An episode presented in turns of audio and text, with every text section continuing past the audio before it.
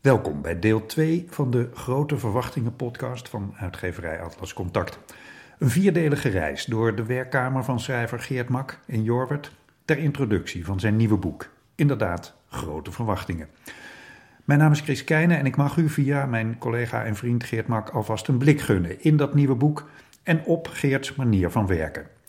Twintig jaar geleden beschreef hij de resultaten van zijn reis door de Europese geschiedenis van de 20e eeuw in twee kloeke delen in Europa. Een boek dat sindsdien de wereld overging. Maar in die twintig jaar gebeurde er zoveel in die wereld, zoals Geert Mak in het eerste deel van deze podcast uitlegde, dat het de hoogste tijd werd voor een nieuwe reis. Om te zien wat er over is van die grote verwachtingen. Maar hoe doe je dat? De geschiedenis beschrijven terwijl ze ontstaat. Dat is de vraag waarmee ik deze keer naar Jorwert kwam. Ja, Geert, daar zijn we weer. Ja. in, in de voormalige werkkamer van de dominee van, uh, van Jorwert. Um, ja, het grote voordeel van je vorige boek was dat het voor het overgrote deel neergedaalde geschiedenis was. Plekken die je kon bezoeken, waar dingen hadden plaatsgevonden. Mensen die terug konden kijken op inmiddels lang geleden, er veel over nagedacht hadden. En bovendien was al een boekenkast over volgeschreven waar je uit kon putten. Nou ja, nu zitten we dus weer naast uh, deze boekenkast. Um, toch was dit heel anders. Je, anders. je eindigt met Brexit en Trump. Daar zitten we nog, nog middenin. Dus dat is de vraag, hoe, hoe doe je dat? Geschiedenis beschrijven die eigenlijk nog helemaal geen geschiedenis is. Ja, dat is ook een, uh, het, is ook een hele rare, rare sport. Ja, de, je, ziet, je ziet op een plek waar, waar de geschiedenis overloopt in de journalistiek en terug. En beide disciplines hebben natuurlijk ook heel veel met elkaar gemeen. Het, is, het, is, niet voor niks dat nogal wat historici in de journalistiek belanden en omgekeerd. Mhm. Want in beide disciplines ben je bezig toch een grote chaos aan feiten en gebeurtenissen en interpretaties. Die probeer je in een kader te plaatsen. Probeer je een, een, een verhaal van te maken en probeer je een orde in te scheppen. Ja. En dat kan je op heel veel verschillende manieren doen, zodat en in de journalistiek en in de geschiedschrijving ook altijd discussie nodig is. Hmm. Dus zodra je geschiedschrijving hebt zonder discussie, wat je in sommige landen hebt, is het de dood in de pot. Is Ja. er al geen geschiedschrijving meer. Ja. Dus het. het eh, en er zijn ook wel voorbeelden, het heeft me ook wel geholpen hoor, in het verleden. Eh, van, van historici die bijvoorbeeld de, de, de tijd van waarin ze leefden beschreven. Eh, het grote voorbeeld is natuurlijk Victor Klemper, die dagboeken schreef eh, in de, ja, De Weimarrepubliek in en de Weimar in 30. 30 en, en later ook zelfs in de DDR en, Ja. en, en, en alles meemaakte en ter nauwernood aan, aan de holocaust ontsnapte. Maar dag na, Ongelooflijk mooie dagboek. prachtboek. Maar waar, ze zijn ook zo goed, ook historisch, omdat Klemper een historicus was. Mhm. Hij was gespecialiseerd in de 18e eeuw, geloof ik. Mhm. Eh, maar hij keek met een historisch oog. Dus hij, hij, de gebeurtenissen van alle dag, die zeefde hij als het ware. En eh, ehm, hij haalde daar, niet altijd, maar heel vaak dingen uit die juist historisch van belang zijn. Dus hij, hij bijvoorbeeld, een, een bekend voorbeeld, hij ging eh, aan de Oostzee eh, eh, met vakantie. En daar waren het al heel vroeg, waren dat eh, flinke antisemieten. En dan, had hij zo'n, dan noteerde hij dat hij zo'n dorpje inrijdt en daar stond dan eh, Joden niet gewenst, ergens in de jaren twintig al. En dat noteert hij. Eh, eh, hij heeft een feilloos gevoel voor wat er wel eens kan gaan komen, of wat wel eens relevant kan zijn. En wat leerde je daarvan? Ik bedoel, kon je door zijn dagboeken te lezen leren waar jij op moest letten? Hoe je dat, hoe je dat zeefje hanteerde? Nou, dat je zo, ik leerde eigenlijk dat je zo'n soort zeefje kon hanteren. Hm. En dat je eh, eh, bijvoorbeeld je krant, ik las de krant op een hele andere manier. Eh, ik rachte door van alles heen. Ik denk, nou ja, dat is verkiezingen, dat is turbulentie daarover. Morgen weer vergeten. Volgende week weer vergeten. Is een, een tijd. Maar bijvoorbeeld de Catalaanse kwestie. Eh, daar heb ik hier, ik zie een, een, zo'n ordner vol over Catalonië. Dit zijn weer de ordners die aan Ja, de ja, rechterkant van ons staan. Ja, ongeveer Ja. eh, twintig, denk ik. Ja, nou, een enorme hoeveelheid. Uit, uit hun kranten. voegen barstende orsten, Ja. ordners. Ja. Eh, Catalonië, echt zo'n soort dikke ordner. En toch in mijn boek heb ik er uiteindelijk heel wel weinig van gebruikt. Eh, alleen dat bijvoorbeeld, dat dacht ik, ik moet dat in de gaten houden. Eh, omdat het wel eens een heel uh, vilijn uh, conflict kon worden. Omdat het wel eens Spanje echt uiteen kan trekken. Nou, dat is tot nu toe meegevallen en eigenlijk luwt dat weer weg, zeg maar. En in, in Spanje is natuurlijk altijd een klassieke spanning geweest tussen de centrale staat en, en de regionale eenheden. Net zoals we dat in Baskeland gehad hebben. Dus dat is uiteindelijk maar een klein stukje in het boek geworden. Maar ik, daar dacht ik, en hier moet ik heel goed vooruit kijken. Ja, en ook maar bijvoorbeeld, uh, wat een heel vitaal moment was, en waar ik gelijk naar gekeken heb, is dat toen Trump uh, zijn eerste optre internationale optredens had, in het voorjaar van, van 2017, dan zie je Merkel in een biertent. houdt ze een toespraak in Beier op een hele rare plek. En ze haalt diep adem. Ze had Trump één of twee keer gesproken en ze zegt de wereld wordt anders en Europa moet nu op zijn eigen benen staan. Merkel had razendsnel in de gaten dat, dit een, dat de komst van Trump een fundamentele wending kon gaan betekenen in de Atlantische verhoudingen. Mhm. Nou, zo'n moment registreer ik. Mhm. dan, dan, dan, dat, dat heb ik van Van Klepper geleerd. Dit, denk ik, uh, uh, dit is een heel vitaal ogenblik. Ja. Maar je hebt ook een andere methode gehanteerd, begreep ik uit de, de proloog van je boek. Je schrijft een boek voor een geschiedenisstudent uit 2069. Wat is daar de gedachte achter? Nou, dat hielp me enorm. Uh, doordat ik, ik wilde het ook de hele tijd wel het, het, perspectief van de afstand houden. Ik denk, een, een, een, uh, je hebt vanuit de toekomst of vanuit een afstand in de tijd, heb je andere vragen aan een bepaalde periode dan wanneer je er middenin zit. Hmm. Dus die student heeft mij enorm geholpen. Uh, ik moet eerlijk zeggen, ook zo nu dan greep ik hem ook aan door te schrijven van. Ja, de, er wordt uh, uh, driftig onderzoek gedaan naar de antecedenten van Trump. En dat is nog lang niet duidelijk en nog boven water. Dus ik kan er verder ook niet zoveel over zeggen. Uh, uh, maar onze student anno 2079 kan je daar veel meer over vertellen. En dan ben ik eerlijk gezegd razend jaloers op. Ja, ja, ja, Er komt nog een partijtje bagger boven water. ik zeg dat eleganter natuurlijk. Dat, uh, dus ik speel er ook een beetje mee. Maar mm. hij hielp me ook een bepaald perspectief vast te houden. Namelijk toch een beetje historische afstand. Mm -hmm. want het blijft natuurlijk geschiedschrijving, dat kun je eigenlijk pas een beetje goed doen na een paar decennia.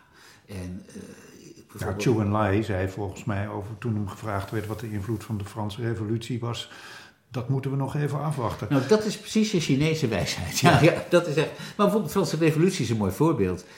Die begon, men begon dat pas een beetje in, in een beter kader te zien.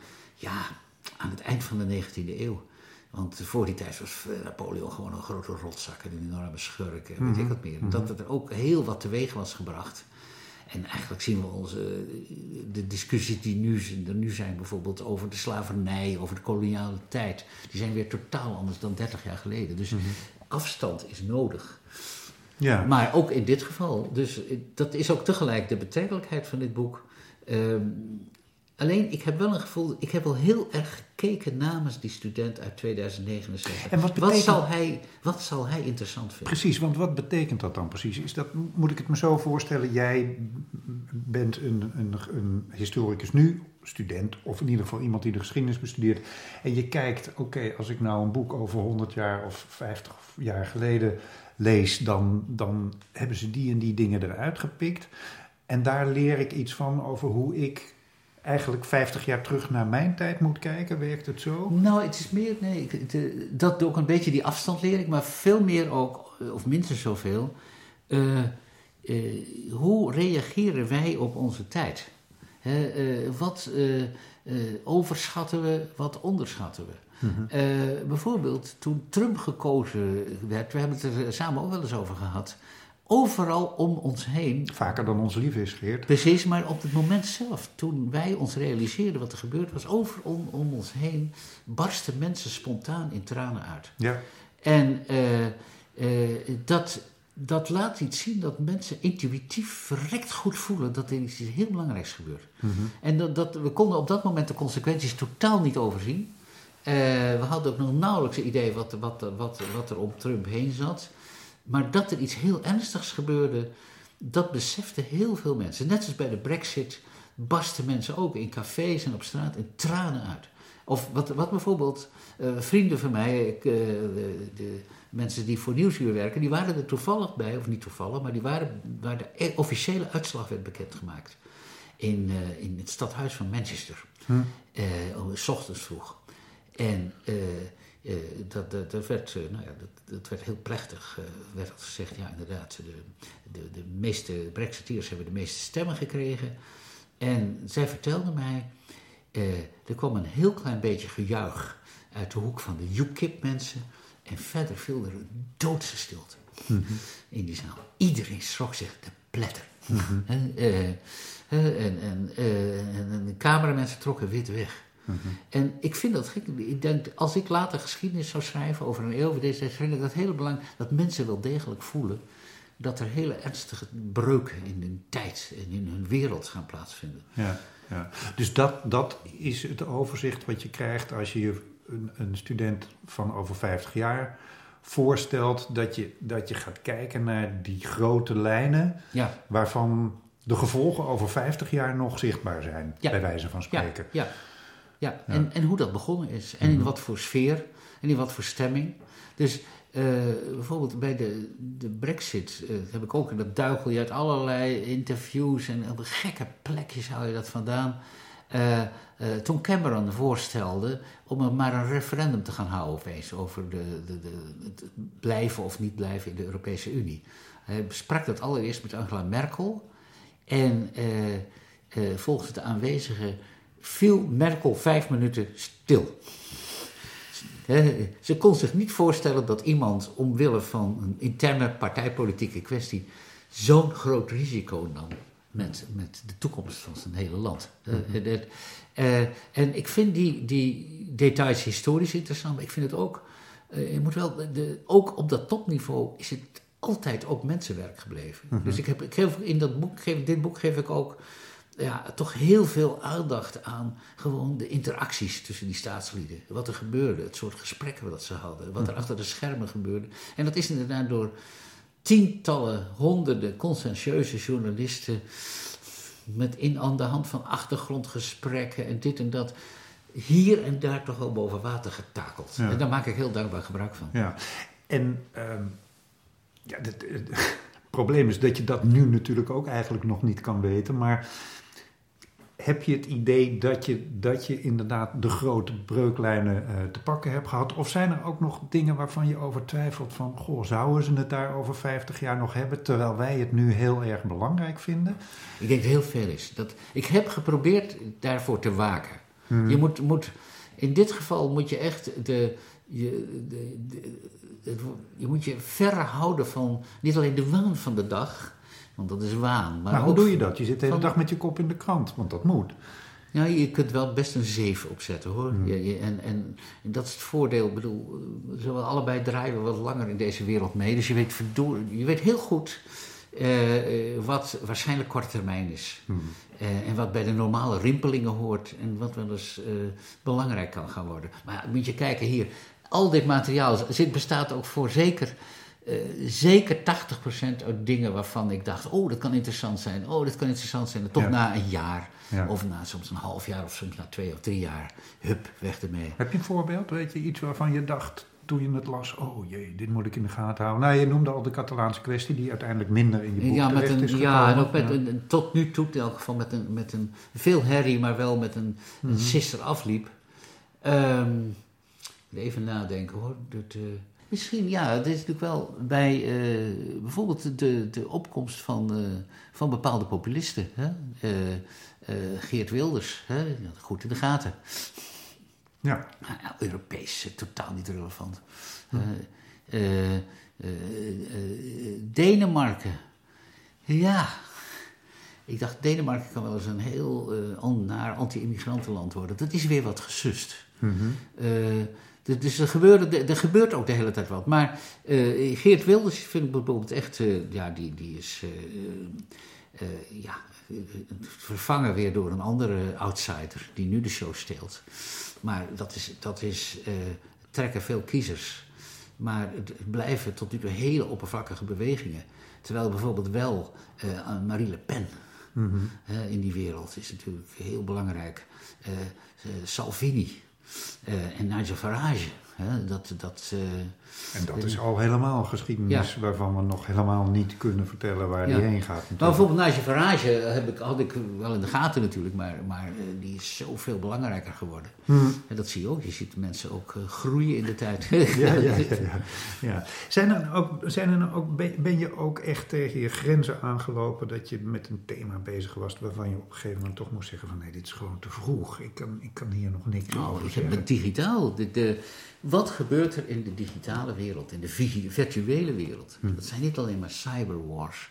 Dat, zijn, dat is ook niet alleen maar dat, dat, uh, dat we opeens geen Chinese spullen mogen kopen, omdat daar allerlei spyware in verstopt zit. Hè? Eerlijk gezegd. Uh, dat gebeurde een jaar of wat geleden ook al met Amerikaanse spullen. Mm. De, de, Nederlandse bank heeft de Amerikanen dingen, Amerikaanse uh, dingen wel teruggestuurd om dezelfde reden. Dus het is een spel. -hmm. Maar, uh, dat, maar op dat vlak gebeurt, gaat zoveel gebeuren. Uh, en het gebeurt al zoveel. En het gaat zo snel. Uh, precies. En daar, dat is bijvoorbeeld iets waar, waar ik nog niet goed een greep op kan krijgen, maar waar ik aan mijn water voel hmm. dat het wel eens heel essentieel kan worden de komende tien jaar. Hmm. En dat is, Amerika speelt daar een rol in, China speelt daar een sterke rol in, Amerika een grote rol ook. Rusland speelt daar vanuit de achterhoede een, een, hele valse rol in. Die heeft gewoon een aantal hele goede hackers die voortdurend bezig zijn om um, uh, uh, ja, een, een samenlevingen te destabiliseren. Ja, ze ontwikkelen niet zoveel, maar ze maken nee, wel veel ze, kapot. Maar, precies, waardoor ze relatief sterk worden. Hè? Dat, hmm. Dit is een beetje het, het, valse jongetje van de achterbank, mhm. maar die toch een boel keet kan schoppen in de klas. Uh, nu zeg ik het wat heel triviaal, maar mhm. het is wel een beetje hun rol. Maar Europa is nergens op dit vlak. Nog helemaal nergens. Dat nee. is buitengewoon zwak. Dus uh, ja, dat, dat, dat gaat allerlei consequenties hebben. Uh, dat voel ik aan mijn water, maar ik, ik kan er nog niks mee. Nee, en dat, dat lijkt me in die zin best ingewikkeld, want het heeft al grote consequenties gehad. Bij de verkiezing van, van Trump bijvoorbeeld heeft het een grote rol gespeeld. Bij de Brexit bij. De Brexit, uh, nou dat is de Russische invloed is natuurlijk ook sterk geweest in Italië. Le Pen is gesteund. Voor Nederland weten we het niet. Hè? Mm -hmm. maar... Ehm, ja, dat, dat, dat, dat zal een enorme weerslag krijgen nog. Ja. En uh, ik heb een gevoel, er wordt ook wel voor gewaarschuwd, dat de, de, de democratieën zich daar nog nauwelijks tegen gewapend hebben. Nee. Een van de methodes die je in je vorige boek hanteerde was, was ja, ik noem dat altijd naar analogie van een, een, een Duitse televisieserie die er ooit is geweest, Zeugen des Jahrhunderts. Dus getuigen van een bepaalde periode, die je dan ook gewoon sprekend opvoerde in één hoofdstuk, ja. aanhalingstekens openen, aanhalingstekens ja. sluiten. Ik ben er in dit boek ook weer een aantal ja. uh, tegengekomen. Kon je ze op dezelfde manier inzetten? Waren er al mensen die op een bepaalde periode of een bepaalde gebeurtenis echt zo terug konden kijken als toen? Die... Ja, dat ging wel goed. Dat hm? ging eigenlijk best goed. Uh, bijna al die interviews, uh, iedereen begreep ook precies wat ik wilde. Hm? Uh, en sommige heb ik ap apart in het boek gezet, maar andere zijn gewoon door de tekst heen geweven. Hm maar bijvoorbeeld een Oost-Duits echtpaar, wat ook in mijn eerste boek voorkomt. Ja. Eckhart en Inge Winkler ja. in Niski. Dat zijn verschrikkelijke Tegen de Poolse grens. Ja, ja, hele goede, aardige mensen die altijd aan die verre uithoek van Duitsland hebben gewoond ja, die dan beschrijven bij de eeuwwisseling dat het allemaal begint. En dat ze zeggen, ja, uh, dat, die overgang, dat, hele DDR, dat werd geplunderd. En het bedrijf waarin hij werkte, dat, daar zaten hele goede technici. En omdat ze Oost-Duitsers waren, kwamen ze nergens meer terecht. Daar kon hij treurig en smakelijk over vertellen. Hmm. Maar uh, uh, ook hoe, ja, hoe, ze, hoe dan opeens de welvaart binnenkwam. En dat Inge zegt, ja, opeens praten we over ons geld. We hadden ons hele leven in de DDR nog nooit over geld gepraat. Opeens hadden het alleen maar over geld. Nou, de, de prachtige van die, van die uitspraken zijn. Of uh, Effie en Kostas. Die hadden een klein kruidenierswinkeltje op een, op een straathoek in Athene. En die beschrijven dan hoe de euro in Griekenland kwam. En dat iedereen helemaal gek werd. Ze gingen alles kopen. Zelfs de moeder van Effie in haar kleine dorp, die begon opeens als een gek geld te lenen en te kopen, want het kostte allemaal niks. Dus alleen al aan zo'n mini-verhaal. Mhm. eh, en ook in de winkel begonnen, na een, een, kwamen, begonnen de dames over aandelen te praten en over de beurs. Dat was, dat was een, een, een gekte daar tot, tot de crisis losbarstte. Dat, Ja. dat, eh, eh, vanuit die winkel is dat verschrikkelijk leuk beschreven. Ja. Ja. Het is, een, eh, het- ik bedoel, niet door mij, maar gewoon door hen zelf. Dus tot, tot slot van eh, dit tweede deel van de podcast. Verkoop je boeken aan die geschiedenisstudenten uit, het is eh, 2079, hè, denk ik, 50 jaar. eh, 69, ja. 2069, ja. precies, nee, dat was ik het goed. Verkoop je boeken aan die geschiedenisstudent, die, die, zoals de student eigen is, natuurlijk liever een uittrekseltje leest. Waarom moet hij het boek lezen? Nou, nu we toch eens even samen praten. het is ontzettend interessant om, eh, naast alle prachtige analyses die je gaat lezen en waar je, die, waar je uittreksel van gaat maken, om eh, een stem te horen uit de tijd zelf. Want daardoor eh, krijg je de sfeer te pakken en de context. En snap je beter waarom dingen gingen zoals ze gingen. Eh, je, je snapt bijvoorbeeld, je zult geen donder snappen van de Duitse houding in de Griekse kwestie. Economisch was het m- mallotigheid wat ze deden. Alleen je snapt het een beetje omdat die Duitsers doortrokken waren met eh, het trauma van hun overgrootouders, van de inflatie. Eh, je snapt niks van de houding van de Britten tegenover de rest van Europa. Behalve als je hun. Het is, bedenkt dat het nog steeds het naeilen is van het triomfalisme. eh, omdat ze de Tweede Wereldoorlog hadden gewonnen. En eh, je snapt niks van de Duitsers met het weer Schaffendas. Eh, als je niet begrijpt dat die Duitsers zich verrekte schuldig voelden. Natuurlijk over de Tweede Wereldoorlog en de Holocaust. Maar ook weer dat ze de Grieken zo hadden afgeknepen. En godsblij waren dat ze goed konden doen. Eh, het is helemaal niet alleen maar Angela Merkel geweest. Het waren menigtes op die ta- stations. Die, eh, eh, en dat werd allemaal uitgezonden door Al Jazeera en Al Arabië tot in de verste uithoeken van Afrika. Waardoor mensen uit al die Afrikaanse dorpjes naar het noorden begonnen te trekken. Want daar worden we geknuffeld en hartelijk ontvangen. En dus als je je officiële analyses leest en je politieke verhalen, lees dit boek er toch vooral naast. Omdat, omdat deze meneer, die midden in die tijd zat, dat allemaal wel weet. Omdat hij zelf ook die ge- voorgeschiedenis nog mee heeft gemaakt. En dat maakt het waardevol. Ik hoop het. Dit was deel 2 van de Grote Verwachtingen podcast van uitgeverij Atlas Contact. En het nieuwe boek van Geert Mak, Grote Verwachtingen, verschijnt op 5 november. Bedankt voor het luisteren, maar luister vooral ook naar deel 3 van deze podcast. Met dan als hoofdvraag, wat zijn de grote breuklijnen die de laatste 20 jaar Europese geschiedenis doorsnijden?